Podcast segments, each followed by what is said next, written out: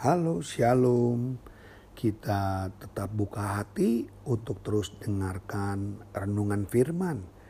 Lagi saya boleh lanjutkan Empat tokoh dari orang-orang yang dianggap sampah Empat tokoh yang dianggap orang-orang yang tidak berguna Cacat rohani, cacat sosial ya. Pokoknya orang-orang ini nggak berarti lah bagi manusia lainnya. Karena mereka adalah wanita-wanita yang tidak percaya kepada Tuhan. Tetapi justru dipakai Tuhan. Kalau kemarin kita sudah bahas siapa itu Tamar ya orang yang mungkin kita sudah jelas mengambil kesempatan dalam kesempitan. Rahab kemudian Ruth yang sukses. Dan yang terakhir yang keempat ini yang saya akan lihat adalah Bathsheba. Bathsheba pasti orang pasti tahu dia adalah istri Uria orang Het yaitu salah satu komandan terbaik dari Raja Daud.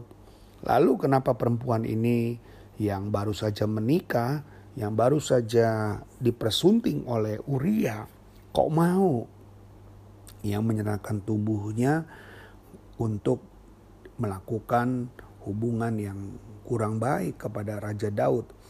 Tapi di situlah yang kita boleh sadari kita nggak pernah tahu cara Tuhan ya.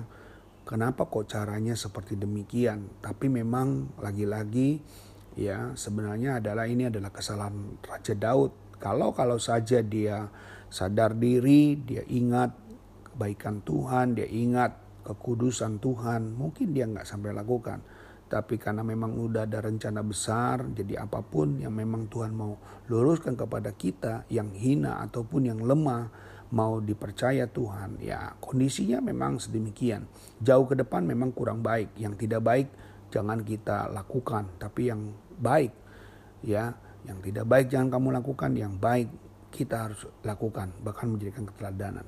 Mari kita lihat bahwa Daud pertama kali dia lihat Beseba ketika ia sedang mandi. Kondisi yang kurang baik ya. Lalu Daud menyuruh memanggilnya dan melakukan hubungan seks dengan Betseba yang akibatnya kalau kita lihat dalam 2 Samuel dia akhirnya meni, uh, hamil ya.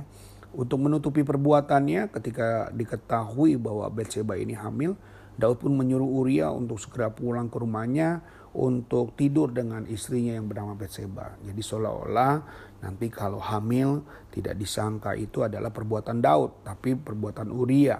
Namun usahanya ini gagal, siasat yang ditempatkan oleh Daud ini gagal. Uria tidak melakukan.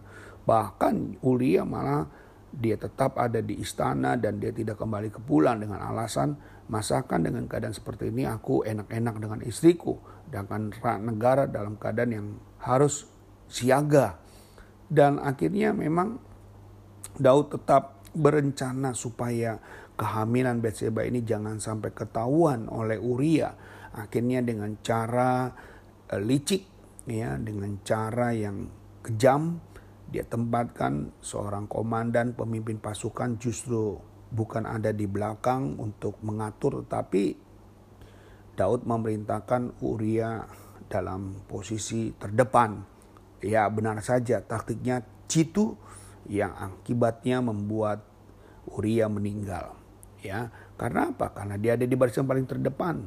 Kemudian Daud mengambil Bathsheba menjadi istrinya. Dianggap bahwa ini bukan lagi tidak banyak orang yang tahu, ya, karena memang Daud ingin berbuat baik, seolah-olah Bathsheba akan dijadikan istrinya. Hal mana yang membuat Tuhan murka dan menghukum Daud? Ya, ini yang nggak beres dalam hati Daud ya sebenarnya dia tidak boleh lakukan seperti itu. Yang merancang kejahatan hanya untuk kepentingan pribadi. Salah satu hukuman Tuhan kepada Daud ya pasti ia memberikan tulah kepada anak Daud yang pertama ya sebelum Salomo meninggal dunia karena sakit. Namun Betseba juga Tuhan pakai sebagai sarana keselamatan menjadi nenek moyang sang juru selamat sehingga namanya tercantum. Memang Namanya tidak secara langsung disebut, hanya disebut sebagai istri Uria, bukan istri Daud.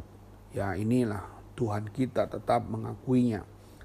Tetapi hal ini justru mengingatkan orang bahwa dia ketika itu masih istri Uria, sudah melakukan perzinahan. Sehingga kasih Allah yang memakainya sebagai sarana keselamatan sebagai nyata bagian kehidupannya. Apa pun latar belakang atau apa pun yang kita hari ini uh, miliki status kita, asalkan kita bertobat dan menyerahkan hidup kita kepadanya, Tuhan pasti akan mengampuni. Natal akan mengampuni, Natal ini akan menjadi suatu pencerahan.